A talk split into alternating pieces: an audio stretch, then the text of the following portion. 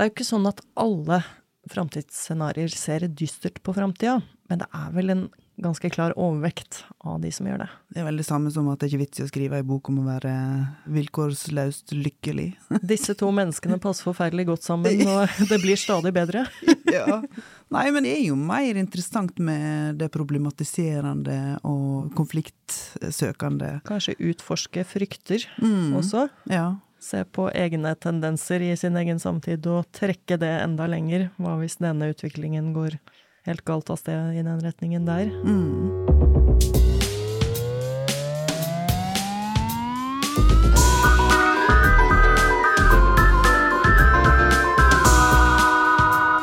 Velkommen til ny episode av Olaug og Aubert på Litteraturhuset.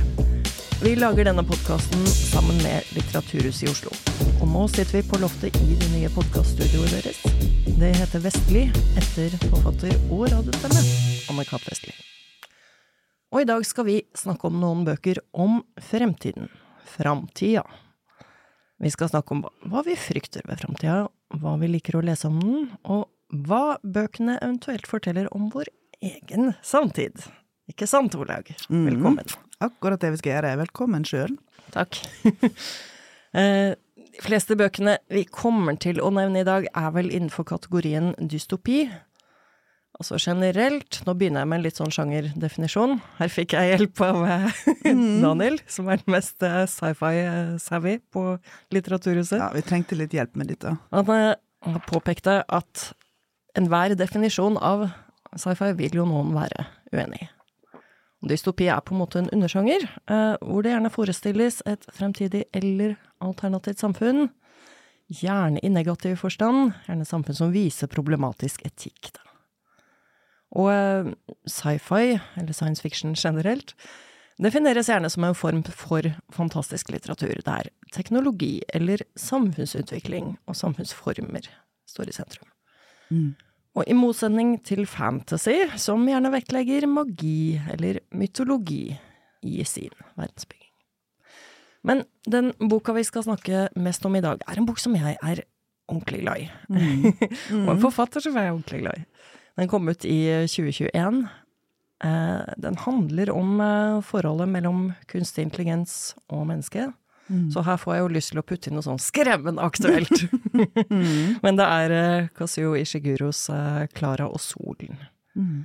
Og jeg hadde lest denne boka fra før, men du har jo lest den for første gang nå, Olaug. Så jeg Mm. tenker i grunnen du kan fortelle litt kort hva denne boka handler om. Ja, eh, men jeg har lyst til å begynne med å si at det som kanskje interesserte meg mest med boka, var at det er den kunstige intelligensen som har fortellerstemma. Den kunstige intelligensen, altså Klara som er nevnt i tittelen, det er en KV, en kunstig venn. Og det er Klara som forteller. Og det syns jeg er interessant fordi at um, hun må jo fortelle ut fra sine forutsetninger. Og når det er hun som forteller, så skjønner du jo både handlingen, for det handler jo ikke først og fremst om hun, det handler om Josie, som er ei sjuk jente som hun skal være en kunstig venn for, da. Hun blir kjøpt inn til Josie for å være en kunstig venn for Josie. Og så er hun da med Josie og observerer Josie, mora, faren og vennen Rick, blant annet. Og husholdersken, ikke minst. Og da Altså, når hun skal forstå ting, så forstår hun ut ifra det som hun er mata med, da, eller det som liksom hun er lagd som, men samtidig hva hun erfarer. Det er en del av måten eh, hun er kunstig intelligent på. Når hun erfarer noe, så skjønner hun og kan liksom sette det i sammenheng med eh, med tidligere kunnskap og tidligere innsikt. Og det er jo som et barn, ikke sant? Altså et barn lærer på den måten. Ser hva foreldrene og omgivelsene gjør, og kopierer. Eh, og får stadig nye innsikter gjennom egne erfaringer. Og en annen ting med det at det er hun som har fortellerstemma, så er det er jo det at hun må jo være nær der ting skjer. Men som en kunstig venn, så skal hun jo ikke bare være Altså, hun er jo ikke en observatør på samme måte som, som et menneske, da. Det blir jo hele tida poengtert at hun er noe annet. Men hun får blant, for eksempel beskjed om at hun skal være på rommet til Josie når Rick er på besøk. For å unngå at det skjer noe Jeg husker ikke hva uttrykket som brukte, lurer på om det var ugler i mosen, eller noe sånt. da. Men de skal jo få liksom snakke med hverandre i fred, hun skal jo ikke blande seg inn, så da står hun liksom med ansiktet mot veggen. Men hun følger jo nøye med og registrerer alt de gjør, og tolker det de gjør. Og så er hun veldig opptatt av å lære seg følelser. Mm. Men hun er jo ikke like flink til å holde det inni seg, sine innsikter om følelser, så hun kan jo bli ganske brå og direkte. Mm. For eksempel så sier hun da til eh, Josie, etter en krangel mellom Josie og Rick, at eh, ja, kanskje Rick kan tilgi Josie. Og så sier Josie nei, det er ikke han som skal tilgi, det er jeg som skal tilgi, sant? og er sint, da. Men, men der går jo Josie bare rett på, fordi at det så fintfølende er jo faktisk ikke Klara går bare rett på. Ja, Klara går bare rett på. For så fintfølende er ikke den roboten at hun ikke skjønner at hun kan ikke si det, da. Men jeg tenker jo at den direktheten om kunnskapen som hun har om følelser, blant annet så eh, har hun en kunnskap som går ut på at alle er mest redd for å være ensomme. Alle gjør irrasjonelle ting for å ikke være ensomme. Og det òg er noe som hun bruker på en veldig direkte måte, og dermed, dermed så kommer hun liksom raskt på folk, da. Sant? Altså liksom inn til kjernen på folk når hun sier sånne ting. Sant? Altså Hun treffer liksom rett på sårepunkt med det hun sier, fordi at hun forstår følelser, men hun forstår ikke Nyanser. Forstår, nei, hun forstår ikke nyanser. Hun forstår ikke det å skjule følelser, da. Ja. Ja. Det var et langt foredrag om eh, fortellerstemma Klara. Altså, Ishiguro skriver både i denne boka og en annen dystopisk roman som jeg også setter høyt, som heter Gå aldri fra meg. Så skildrer han altså en type framtidssamfunn, eller nesten parallelle samfunn, da. Du får ikke inntrykk av at det er så langt unna vår tid på én måte. Mm. Altså det er landskap og eh, hus og ting som ligner på Mm. hvordan vi gjør det. Du får ikke masse innføring i sånn hva slags teknologi, hvordan er samfunnet blitt sånn som det har blitt Nei. her. Men det kommer fram at Josie er syk fordi hun er blitt utsatt for genmanipulasjon. Mm. For uh, i uh, dette samfunnet så er det sånn at foreldre som har råd til det, de har uh, mulighet til å gi barna en såkalt litt sånn hevet status. Mm. Altså barna kan bli hevet. Ja. Og eh, det skjer gjennom at de, ja, at de blir eh, på en eller annen måte eksperimentert på og behandlet. Eh, Men det er risikabelt, og det er mange som er blitt utsatt for denne behandlingen, som blir da syke og dør. Så søsteren til Josie har de mista på grunn av det. Mm. Men det blir likevel sett på som å gjøre det beste for barna sine, da. Mm. Det er, eh, det er det som liksom er å gi dem de beste mulighetene, og da kommer de inn på fine skoler, for det er ikke alle skoler som tar imot barn som ikke er hevet, og de som er liksom høy status, de, de kommer bare inn der. Nabogutten Rick er jo ikke det, for eksempel, så han er det litt synd på. Mm. Og mora hans blir spurt litt sånn, ja, angrer du ikke litt på det, liksom, at du ikke gjorde det for han, på en måte. Men, eh, men de har ikke hatt råd, da, eller ikke helt villet, eller sånt. Og etter hvert i romanen, altså nå, nå må dere bare lukke ørene hvis dere ikke vil vite eh, noen av hemmelighetene som skjer her, Eh, så viser det seg også at foreldrene er litt inne på tanken om at Clara etter hvert skal erstatte Josie hvis Josie dør, og så Mm. spille henne. For Clara er veldig god til å etterligne Josies kroppsspråk og liksom ja, etterligne henne, da. Mm. Og foreldrene kjemper veldig sånn med tanken, på, eh, på ulike måter. Så det, det er jo masse sånn lag på lag av litt sånn eh, dype etiske problemstillinger som jeg føles bare sånn stiger litt sånn langsomt til overflaten her. Ja. Og veldig svære ting. Mm. Enig. Mm. Men likte du boka, eller? Ja, jeg likte den godt, jeg. Eh, og det, altså, selv om jeg egentlig Jeg er en sånn type som blir skremt av sånne framtidsscenario. Eller ikke kanskje av framtidsscenario i seg sjøl, men altså saker som handler om teknologiske framskritt som gjør at vi kan gjøre sånne ting, da, sant? Er det den kunstige intelligensen, eller er det den eh, perfeksjoneringen av mennesker? Ja, jeg er mest redd for perfeksjonering av mennesker. Mm. Eh, og det der at uh, en velger å liksom heve, heve Mm. et barn på den måten gjennom genmanipulasjon, det er noe som gjør meg uvel, rett og slett. Mm. Og jeg er en sånn type som syns at debatter om um, selektiv abort og aktiv dødshjelp er helt forferdelige og vonde og vanskelige å følge med på. For det rører Og det er ikke bare fordi at jeg har et barn som er utviklingshemma, Men det er jo derfor òg, for vi vet jo at under nazismen så ble utviklingshemma eh, sendt til utryddingsleirer og ble regna som undermennesker. Og det er jo en lang eh, historie i mange land om det, altså at utviklingshemma og svake ble satt i skogen, ikke sant. Og det er en sånn derre ibuende frykt i meg eh, for at hvis samfunnet får skriven på strupen, så er det den gjengen der som ryker først. Så det er ekkelt å tenke på. Mm. Eh, Men det er ikke bare derfor. Det handler jo òg om det der at hva er et menneske, og hva er menneskets verdi? Og hvis mennesket blir mer verdifullt, jo mer perfekt det er, da, så blir det jo vanskelig å forsvare sine egne svakheter og sin egen tilkortkommenhet og hjelpeløshet. Og jeg kan av og til være sånn at eh, når jeg hører folk eh, argumentere for aktiv dødshjelp eller for selektiv abort, at jeg tenker jeg håper du dør aleine og skriker av angst. Oi, oi, oi. Ja, det var stygt sagt! Det var stygt sagt. Men jeg ber alltid om unnskyldning etter at jeg har tenkt Det det. Men det er jo på en måte sant Men det tror jeg, det, det tror jeg er fordi det trigger noe sånn veldig Mm. eh, djupt i meg. Om hva jeg tenker et menneske er. Hva et menneske skal få lov til å være, og hva slags menneske vi skal ta vare på. Eh, men jeg likte boka, eh, og jeg blir, jeg blir jo ikke egentlig skremt av det som skjer der, fordi det føles fjernt og langt unna og helt urealistisk at eh, en robot skal ta over for et menneske, og at du kan genmanipulere eller at foreldre ville genmanipulert barn med den store risikoen for at de skulle dø, da. Men det er jo interessant å lese de diskusjonene og de refleksjonene som, som alle i universet i romanen gjør rundt det å ta sånne valg. Og som jeg nevnte i stad, det med fortellerstemmen interesserer meg jo voldsomt. Syns det er kjempeinteressant. Og så tenker jeg liksom Vi får jo egentlig ikke helt vite hvordan eh, uh, ser ut.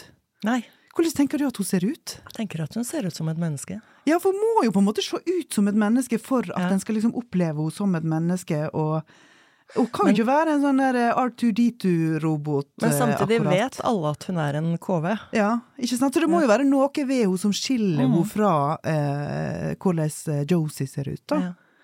Ja. Men akkurat det her eh, du er inne på der, altså hva et menneske er, Mm. og eh, hva som gir et menneske verdi, det føler jeg er veldig essensielt både i denne boka og i den Gå aldri fra meg. Ja. Og så eh, Den er jo en enda mer sånn eh, knusende og hjerteskjærende bok. Ja. Eh, Der møter vi tre barn. Eller den fortelles i retrospekt, da, fra Cathy B, som er omsorgsperson. Hun er voksen når hun skriver, men ser tilbake på sin oppvekst sammen med to venner på en kostskole Mm. i et samfunn som ligner ganske mye sånn England på, på 1990-tallet. Um, men det viser seg etter hvert at disse barna er klonede mennesker. Og de vokser opp uh, for å bli uh, brukt til organdonasjon. For, uh, for samfunnet er, er der, Mm. på en måte. At de har på en måte åpna den døra til at de kan bli friske av dødelige sykdommer, kan leve mye lenger, og ingen ønsker å lukke den igjen, da. Mm. Selv om de vet at dette er en forferdelig kostnad. Så de har litt bestemt seg for at disse klonene, de, de er ikke ordentlige De er ikke mennesker, på en måte. Vi kan ikke regne med dem som liv. De er ikke i stand til de samme tingene som vi kan. Mens eh, kostskolen Cathy og Tommy og Ruth vokser opp på, det er et litt sånn eh, steinerskoleaktig sted, eh, nesten, da, hvor eh, de som driver den, prøver å eh, overbevise folk om at jo, men disse barna kan med rett eksponering og læring og sånn, så kan, har de like mye kunstneriske talenter og like mye indre sjelleliv som andre. Mm. Så det er en sånn slags aktivisme på deres vegne. Ja. Men den slår, slår feil. De, mm. Folk er ikke villige til å, til å se på det sånn. Så for det første syns jeg jo det handler veldig mye om eh, hva er det som utgjør det menneskelige. Men det andre er jo også den der eh, iboende trangen hos mennesker til å undertrykke andre. Det syns jeg har kommet Mm, fram både her og, eh, og i Klara og solen. Ja, altså, og tenker du da på at eh, undertrykkinga av Klara, da? Ja, altså, ja, rett og slett. For, ja. eh, for vi får ikke helt lov å synes at hun er en eh, form for liv som vi ikke kan eh, føle med, eller eh, identifisere oss med, til og med heller, da. mm. Og Fordi der vi ser alt gjennom henne. mm. Og enda sterkere med de her eh, selvfølgelig klonede barna. Det er, det er liksom ingenting som skiller oss og dem Nei. i denne boka, og da blir det jo så forferdelig. Mm, da, blir, mm. da er det helt fryktelig. Ja. Så det er en litt sånn uh, utforskning av uh, hvilke kostnader vi er villige til å se bort fra, nesten, da. Ja. For uh, vår egen Enten det er overlevelse eller Ja. perfeksjon, eller hva man måtte kalle det. For det er jo noe med òg i Klara og solen, jeg har ikke lest den andre, men i Klara og solen, altså for at Klara skal kunne fungere som en kunstig venn, så må hun ha følelser. Ja. Altså, hun kunne jo bare vært ei taus dukke, hvis ikke, sant? Men for at hun skal kunne Og det er jo et poeng her òg, at hun skal kunne være intellektuelt utfordrende og stimulerende. Skal- altså, for, for, for romanen begynner med at hun er i KV-butikken, og, og der hun av og til får stå i vinduet og skinne, mens andre ganger må hun stå lenger bak i butikken i hyllene. Sant? Altså, og når det kommer kunder inn for å kjøpe, eller som er interessert i å kjøpe Klara eller eh, noen av de andre, så spør jo, ikke nødvendigvis ungene sjøl, men foreldrene er jo opptatt av da å spørre ja, eh, er den god på eh, empati, Ja. er den god på Altså hva er dens kvaliteter i det å være en venn, da? Ja. Altså, hvordan kan den være utviklende? Og det i seg sjøl, altså foreldrene går rundt og liksom tenker gjennom hva slags egenskaper den perfekte vennen for barnet skal ha, er jo òg Ja. ganske vondt, altså. Men, Men, samtidig er det jo noe veldig naturlig i det. Sånn det, gjøre en eller annen eh, utvelgelse. ja. Ja. En, en annen ting jeg syns er veldig interessant, er jo at vi har å gjøre med en robot som er religiøs, faktisk. ja. For eh, altså den diskusjonen om eh, mennesket har en sjel, den er jo oppe. Mm. Og om eh, det er noe sånn i Josie som ikke kan erstattes, Mm. og eh, som ikke kan etterlignes og fylle tomrommet om hun skulle gå bort, da. Mm. Om det finnes noe eget, Ja. liksom. ja. Og det settes litt opp mot om Klara har en sjel. Mm. Og jeg tenker at eh, du, du får litt følelse av at dette er en robot med en sjel. Mm. Nå, nå hørtes det ut som jeg koblet uh, religiøsitet med det å ha en sjel, og det Nei, nei, men det, men det var ikke jo- meningen, men- nei, men det er jo men- et tegn på at du har en sjel, da. Men? Hvis det, du kan det er være mer det der at religiøs. hun, hun tar valg Ja. på grunnlag av ting som ikke er logisk overhodet. Mm. Hun uh, gjør slutninger som bare handler om tro Ja. og følelser. Klara er jo avhengig av solenergi. Altså hun, det er sånn hun eh, får liv. Og hun betrakter derfor sola som en sånn nærmest en guddom, da. Mm. Mm. Som eh, av og til skinner, av og til ikke kan fordele liksom den eh, nåden Mm. i litt sånn vilkårlige porsjoner. Som Ja. at hun ber sola om å komme innimellom og gi oss den nåden. Og, ja. og gi henne liv, og gi Mm. glede til de andre. Og det skjer da en veldig avgjørende scene. Igjen, de som vil eh, lese den og ikke vite, må bare pause nå, eller spole framover. Men eh, det er en scene som jeg syns er en sånn veldig nøkkelscene til hele romanen, hvor hun gjør en pakt med sola. Ja. Hvor eh, hun sier eh, at er det noe jeg kan gjøre for at Josie skal bli frisk? Ja. Så hun oppretter en sånn eh, slags pakt om at hun selv skal gjøre et offer, Mm. og um, tenker at da kan det skje et mirakel. Mm. Da, da kan sola komme og gjøre Josie frisk. Og det er jo en sånn uh, En sånn tro, Ja. eller en, et litt sånn uh, håp. Mm. Det er jo noe du ikke normalt kan tiltro en, eh, En robot. en kunstig intelligens overhodet. Men jeg tenker òg at det er interessant i boka hvordan hun eh, For hun er jo kjøpt for å være for Josie, sant? Altså det er Josie hun er der for. Og den dobbeltheten i hun når hun blir fortalt av Josie sine foreldre at eh, vi vurderer at du skal bli Josie hvis Josie dør. Mm. Og at hun både Altså, hun vil jo ikke at Josie skal dø, men hun går jo med på det. sant? Altså, hun, sier, hun, hun motsetter seg ikke det forslaget fra foreldrene. Og hun gir til og med råd om hvordan de kan perfeksjonere den utgava hun da eventuelt skulle være av Josie. For det hun ikke har, er jo evnen til selvstendig eh, handling. Nei, nettopp. Det er ganske interessant, for eh, hun er jo i sin natur, eller uh, i sin utvikling, i sin, Mm, I sin skapthet. i sin skapthet, så er hun en tjener. Ja. Og uh, en ting jeg syns er kjempeinteressant, er jo å sammenligne det med altså, Ishiguros mest kjente bok er uh, Resten av dagen. Mm. Men det er en helt annen type roman. Det er en realistisk roman. Men den handler da om en aldrende butler, som heter Stevens, som har via hele livet sitt til å være en tjener. Mm. Og til selvoppofrelse, selvutslettelse. Og ikke skulle synes å utføre en funksjon Mm. og en oppgave. Ja. Holde styr på det her store tjenerskapet for å gjøre arbeid for noen. Mm. Være der for noen. Ja. Og um, når man begynner, så er uh, den verden han uh, har uh, ja, satt hele identiteten sin i, er borte. Altså da er det etter krigen. Lorden hans er død.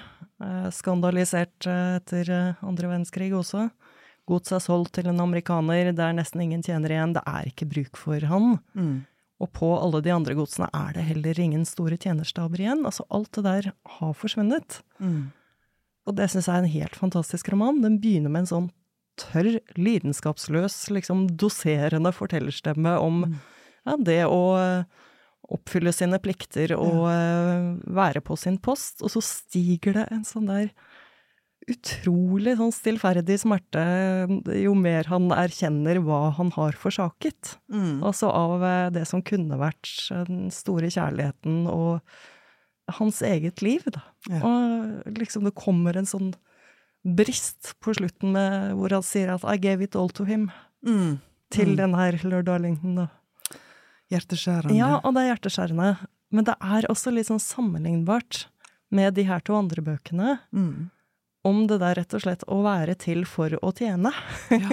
Eller uh, offeret det er i å uh, gi alt Mm. til en annen, da. Mm. Jeg syns det handler ganske mye om det. Ja.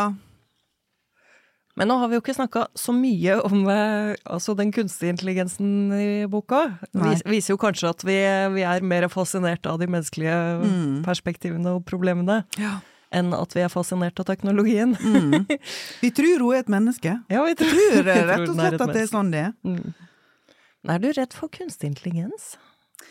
Eller, det er jo et litt sånn teit spørsmål, men eh, Altså, hmm, det, har jeg nok tenkt betydelig mindre på.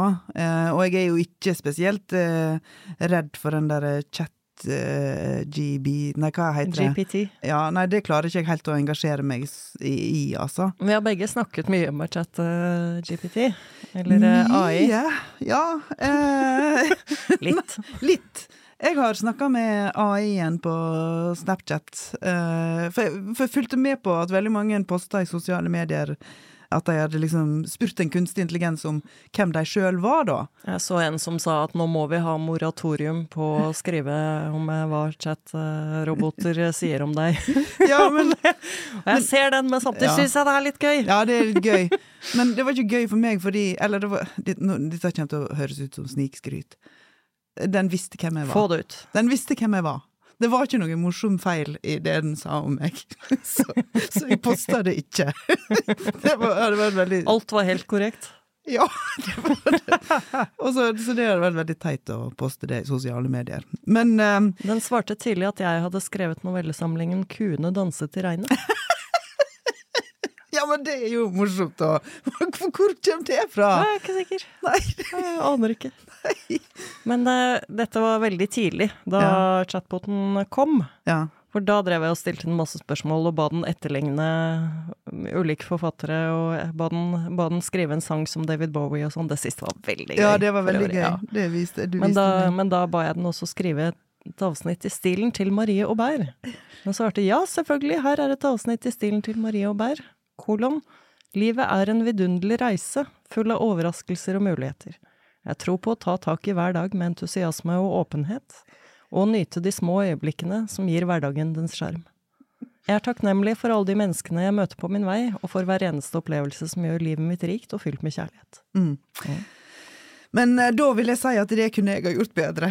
Ja, her, her eh, tar, tar jo alle forfattere som eh, gjør denne øvelsen, poster jo på sosiale medier 'Å, blir vel ikke arbeidsledig helt ennå', liksom. Ikke sant. Ikke sant. Og det tror jo ikke jeg heller, nødvendigvis. Jeg tror ikke Kunstig intelligens funker jo ikke dritbra på skjønnlitteratur eller på litteratur. Men det jeg lurer på, er jo eh, hva den kommer til å ha å si for lesing og skriving. mm. På universitetet nå allerede tror jeg de begynner å se en del sånn AI-genererte oppgaveinnleveringer, Ja. Ja. altså. Som eh, Eller det kommer til å bli noe de absolutt må ta med i betraktningen. Ja, ikke sant. Men, men, men det virker jo nesten For jeg spurte min AI, eh, AI Min AI. eh, Min an- KV. Min KV. Min Klara.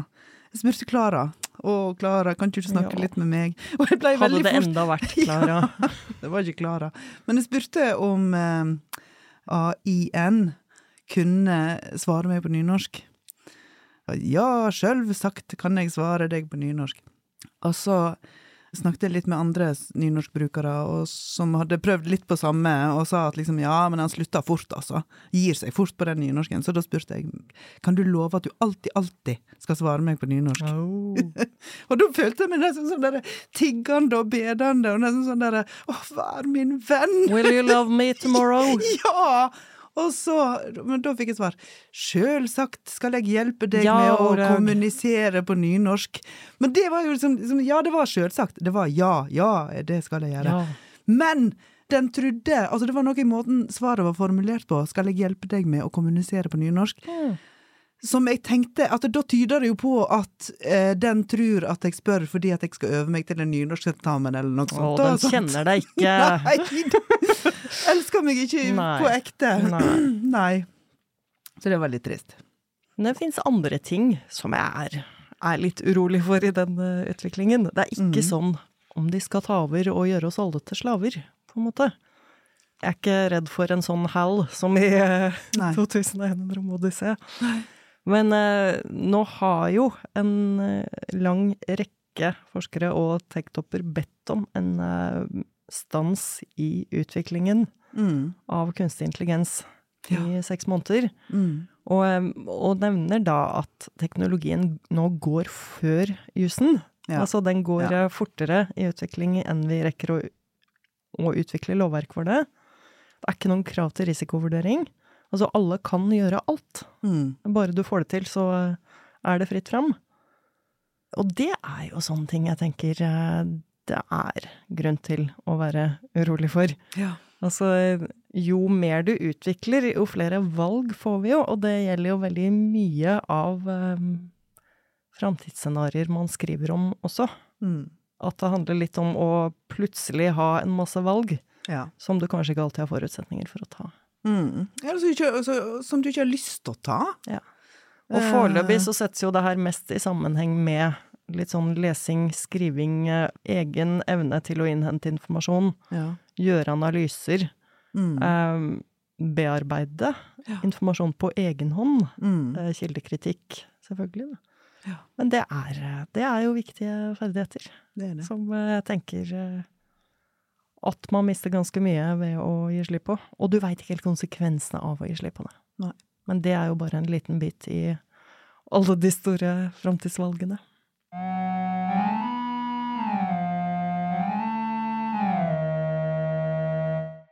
Men liker du sånn generelt å lese bøker eh, om fremtidssamfunn? Eller sånne alternative samfunn? Nei, det er ikke det jeg går til, altså. Jeg er eh, Jeg liker best sosialrealisme. Nei da, ikke bedre. Jeg tror jeg mer jeg liker bedre fantasy.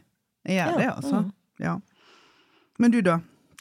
Jeg føler meg som veldig glad amatør på, eh, på sci-fi-feltet. Det er veldig mange som kan mye mer om, eh, om den sjangeren enn meg, Mm. og har lest mye breiere. Men jeg kan like en del bøker innenfor dystopi eller sci-fi. For jeg kan nok like den derre tenk om-tankegangen. Ja. Hva ville skjedd hvis det ble sånn? Mm. Og veldig sånn hva skjer med mennesker hvis vi utsettes for disse og disse tingene? En uh, bok jeg helt nylig leste og falt sånn fullstendig for, er en postapokalyptisk roman av eh, danske Rakel Haslund Gjerrild. Ja. Den heter Alle himmelens fugler. Mm. Kom rett før eh, koronaen. Ok. Og den handler om eh, altså et Danmark som er eh, helt lagt øde. Det har skjedd en stor katastrofe. Det impliserer sånn litt hva som har skjedd, men det er ikke veldig framtredende. Men det er ei ung jente der som er det eneste gjenlevende mennesket, Ja. egentlig. Ja. Og eh, hennes omsorgsperson, som hun kaller for Ord, som vi ikke får vite om er mann eller kvinne, for hun skjelner antagelig ikke Eller hun vet ikke hva som er mann og hva som er kvinne, antagelig. Nei. Men um, det betyr at hun har ikke noen å snakke med. Og eh, den romanen skildrer egentlig hva som skjer når språket hennes går i oppløsning. Mm. Og um, hvor mye det er igjen av liksom uh, det menneskelige perspektivet etter hvert da. Ja. Og den syns jeg var helt fantastisk. Mm. Det er nok noe med at det er eh, sånne menneskelige perspektiver som interesserer meg Ja. aller mest med det. Ja. Og nylig så har jeg også lest eh, den eh, nye romanen 11 av Maren Uthaug. Mm. 11 Hvorfor heter den det? Den heter det fordi dette foregår i et samfunn der patriarkatet er styrtet. Og, og kvinnene har overtatt styret. Og de har da funnet ut at de kan beholde Altså at 11% av befolkningen kan få være menn. Eh, Det er det Det er maks antall de syns de kan tillate å ha. For menn er så farlige. Altså, det vet de jo, liksom. Da blir det jo bare drap og voldtekter og faenskap, hvis de skal ha masse menn gående rundt. Mm. Bare se hvordan dette har gått, litt sånn. Krig og katastrofer og ingen kvinnelige orgasmer. Og 11% er også den nedre grensa for å unngå innavl. Ok. Så mennene i denne romanen holdes i egne sentre. De Mm. er eh, medisinert.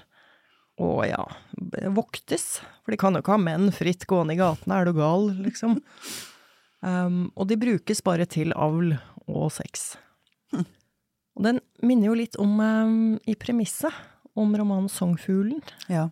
som du har lest. Jan Roar Ja, Leikvoll. ja eh, den kom for, for ti år siden nå, tror jeg, altså. Eh, der er det òg et samfunn av bare kvinner, der eh, eh, menn er stengt ute.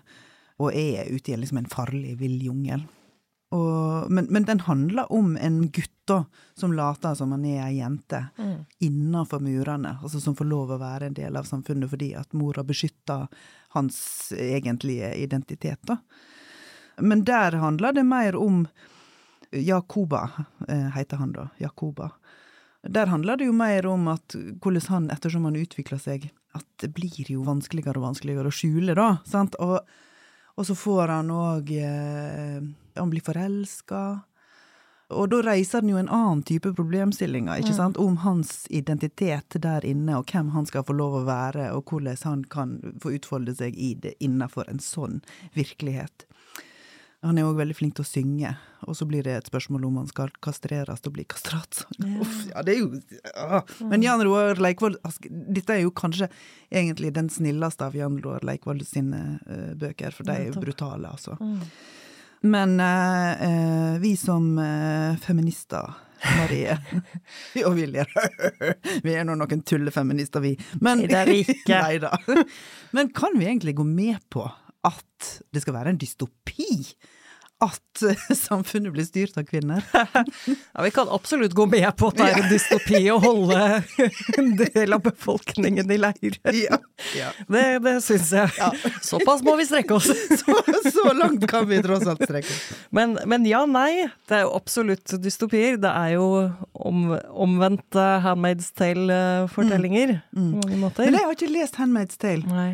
Jeg har faktisk bare sett serien. Ja, jeg har ikke sett serien heller. Mm. Jeg tror jeg bare syns det virker for skummelt, men Ja, den er veldig, veldig, veldig mørk. ja. Det, det er den.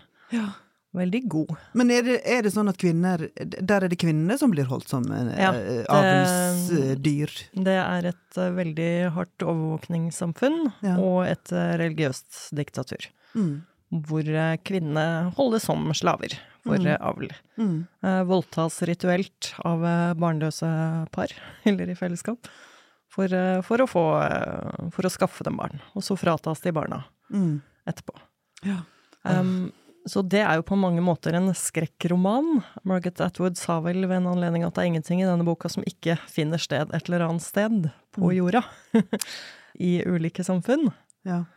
Og sånn sett så er jo Maren Uthaugs bok er mer sånn burlesk, på mange måter eh, gæren, humoristisk, eh, vill Mm. bok. ja. Eh, Jeg føler ikke den etterligner veldig et samfunn vi kan kjenne igjen. Nei. Det er et tankeeksperiment som tas seg veldig langt. Ja. Det er for eksempel sånn at husene bygges med runde former. De skal ikke være sånn firkanta og mannlige strenge. Religionen er gjort om til matriarkalsk eh, kristendom. De har beholdt sånn, li sånn litt av mange mytologier, da. Og eh, menssyklusen er noe hellig.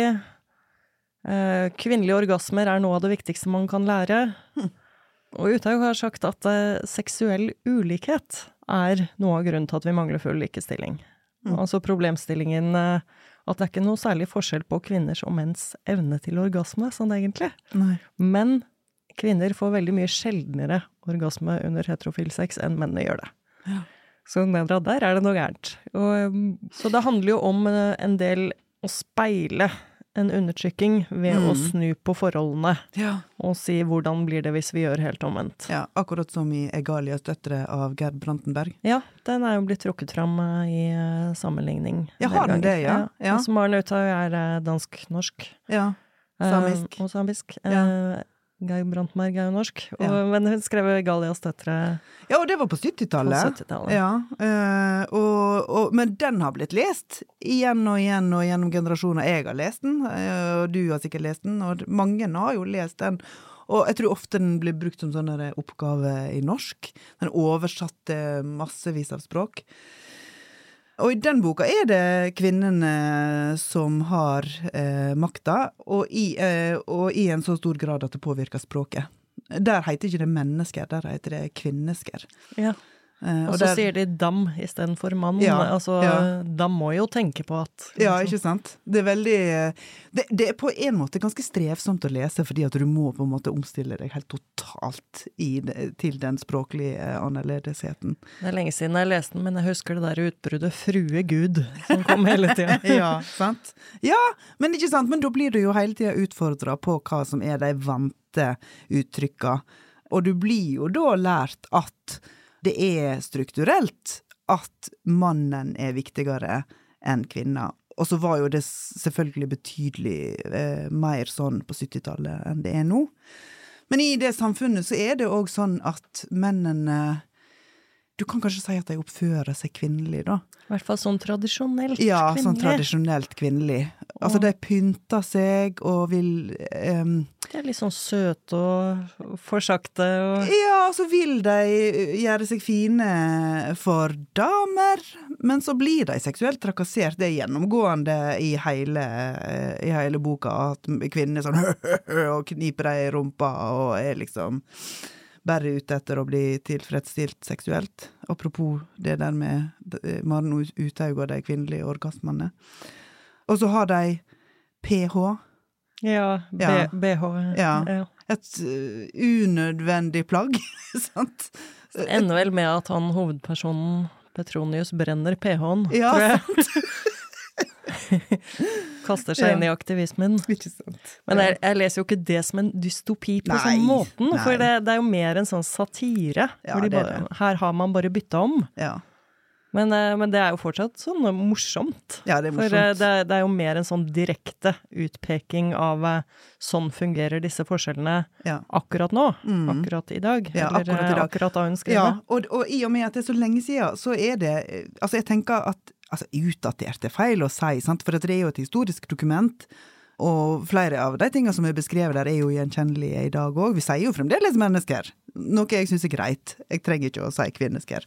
Men eh, jeg møtte kvinneske Gerd Brantenberg på ei scenesamtale nylig.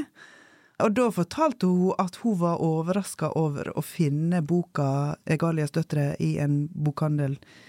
Plassert i bokhylle med overskrifta 'Queer'. Ja. Og det syns hun var rart, da. Mm. Det, det, og det sier nok òg noe om Tidene skifter. tidene skifter. Ja, absolutt. Mm. Jeg skjønner godt at den kan bli lest om nå. Ja, det, tenker Altså, jeg eh, òg. Ja. ja. Snu på Snu kjønnsrollene så, så direkte. Mm. Det, og, det, og det har en anklang nå. Ja. Altså, men det å lese Egalias døtre i dag blir jo annerledes fordi den er så gammel. Sant? Den er skrevet i en helt annen tid, og det er jo rart å lese framtidsscenario som var tenkt ut for 50 år siden. Det er rart. Og du har lest eh, 60 år gamle app av eh, Aksel Jensen. Mhm. Ja, den, er, den liker jeg fryktelig godt. Syns den er så morsom. Eller eh, Og interessant. Ja, Det er en sånn fortellerstemme som bare tar deg med en gang. ja skjønner. Og Epp, Epp er, en, eh, er en gretten gammel fyr, som liksom spydig betrakter omgivelsene sine. Ja. Og bor i eh, framtidsbyen Oblidor. Mhm. Sånn eh, blokklandskap hvor alle bor i like leiligheter, bare ser ut på andre blokker. Mm. Det er et overvåkningssamfunn som baseres litt sånn på status. Ok. Epp har ikke oppnådd eh, å bli Eppe eller Eppen eller Eppenepp. Men han er heldigvis ikke bare blitt E, for eksempel. Da. Og folk får eh, piller i posten. Kom. Er det maten, liksom? Nei, det er ikke maten, Nei. men eh, det er piller de skal ta. Ja. 63 stykk om gangen.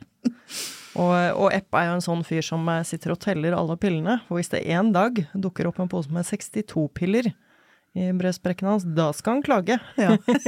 Så han er liksom en sånn fyr. ja. Og, eh, og vi får henvisninger til eh, roboter og kriger med andre land, som til dels utføres av robotene. Det er mye sånn tom og vulgær underholdning. Mm. Og eh, det er en sånn frykt for massesamfunnet, Ja. og for eh, litt sånn det pregløse A4-livet, hvor man bare oppfyller en sånn funksjon, da. Mm. Passiviteten Ja. som preger eh, innbyggerne her. Eh, Det er jo en kritikk jeg tenker sto veldig sterkt i Aksel Jensens eh, miljø også, Ja, ja, og tid.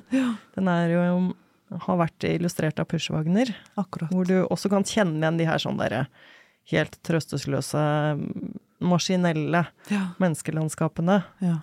Jeg tenker jo det er, det er litt sånn hippie-anarkistisk ståsted, da. Ja. Være liksom um, redd for det der Altså overvåkningen, for det første. Det Mm. er det jo Det All kan vi jo finne igjen i mange dystopier, men Ja. også den derre sånn det, det passive Mm. mennesket som sprøytes full av tom underholdning, og så um, Og ikke har noe individuelt liv. Ikke sant? Det morsomme og paradoksale her er jo at Epp har et veldig individuelt eh, han, er en, han er en helt spesifikk fyr Ja. i det her landskapet, på en måte. Så det blir jo noe mye mye større og eh, mye mer interessant enn bare at vi interesserer oss for det samfunnet. Vi, interess vi interesserer oss hele tida for Epp. Mm. Det syns jeg er veldig gøy. Men kan jeg si noe? Altså, for dette er jo ikke frykta for uh, at robotene skal ta over, det er jo mer frykta for at vi skal bli roboter. Ja. At mennesker skal Ja. ikke ha noe annet annen funksjon enn å eh, gå rundt og Vi knuses i samfunnets Ja. maskin. Ja, ikke sant? Ja. Ja. Men en eh, artig ting eh, du også kan se der, er at Epp skriver eksempel brev Mm. med, med penn og papir. Ja. Og Så han post, postvesenet fungerer ennå, Ja. liksom. Så det, det er eh, mye sånn av teknologi som selvfølgelig ikke har gått an å forutse. Nei, han har klart ikke å forutse e-post Og og, internett. Nei, og hvordan skal man Nei, det? hvordan skulle han klare det? Ja. Mm. Det er jo ikke sånn at alle framtidsscenarioer ser dystert på framtida, men det er vel en ganske klar overvekt av de som gjør det. Mm. Hvorfor tror du det er sånn? Nei Det er vel det samme som at det er ikke vits i å skrive ei bok om å være vilkårsløst lykkelig. Hvem skulle gidde å lese det? Disse to menneskene passer forferdelig godt sammen, og det blir stadig bedre. ja, nei. Nei, men det er jo mer interessant med det problematiserende og konfliktsøkende enn det idylliske. Så det kan godt hende at det har med det å gjøre. Kanskje utforske frykter Mm. også. Ja. Se på egne tendenser, eller tendenser i sin egen samtid, og trekke det enda lenger. Hva hvis denne utviklingen går helt galt av sted i den retningen der? Mm. Men det fins jo, altså i barnelitteraturen er det nok kanskje mer eh, positive framtidsscenarioer. I hvert fall noe. At det kan Ja. være det, da. Eh, for eksempel så eh, Kanskje feil å si at vi vokste opp med roboten Matilda, men jeg har i hvert fall lest Ja, ja, om roboten Matilda. Ja. Da var jo framtida kul! Ja. På 80-tallet var framtida kul! I hvert fall for barn. Mm. Den er jo sånn, eh, altså Philip Newts bøker, 'Roboten er løs', heter vel den første. Men den eh, foregår jo i en sånn eh, Jeg tror det er eh, Den siste boka tror jeg foregår i år 2043. ok. Det er 20 år til ennå. Ja, ja. Men de har Jeg husker at de hadde så mye kule ting. Mm. De hadde videovegg, og var litt sånn, kunne trykke på en knapp, og så fikk du mat. Og, så. ja. og det er jo litt sånn samfunnskritikk, da. At det er uh, rullefortau ute i gatene, for eksempel. ja. Ja. Sånn at hun Sam, som er hovedpersonen, hun ergrer seg jo over at det går ikke an å hoppe og løpe, sånn Nei. som barn liker. Da. Og, Mm. det, og det er jo litt sånn, ja, det er dumt. Men er dumt. til gjengjeld så får de ha roboter som venner, og de kan dra på ferie til eh, en romstasjon med Ja, romferje. ikke sant. Ja. og det husker jeg bare var sånn Å, så kult! Ja, men jeg tror, jeg tror kanskje òg generelt at det var mer om det å reise til rommet. Sant? Altså det var kanskje mer spennende tidligere. Ja, Mens, det var nok eh, absolutt. Ja, altså at en så for seg byer og tilværelse på andre planeter. Men det er ikke like framtredende i, liksom den, i, i hvert fall ikke i den synlige eh, framtidslitteraturen nå. Nei, nå er det jo ganske mye om menneskeskapte Ja, ja. katastrofer. Ja. Ja. Altså, du har jo sånne scenarioer som uh, i Rakel Haslund Gjerilds bok, da. Mm. Er jo også beslekta med Cormac McCarthys uh, The Road. Mm. Og også sånn eh, serien uh, The Last of Us. Mm. Altså med zombieserier som er hvor zombieviruset er noe vi har forårsaket, på en måte. Ja. Altså den smitten er noe som kommer fra oss. Ja.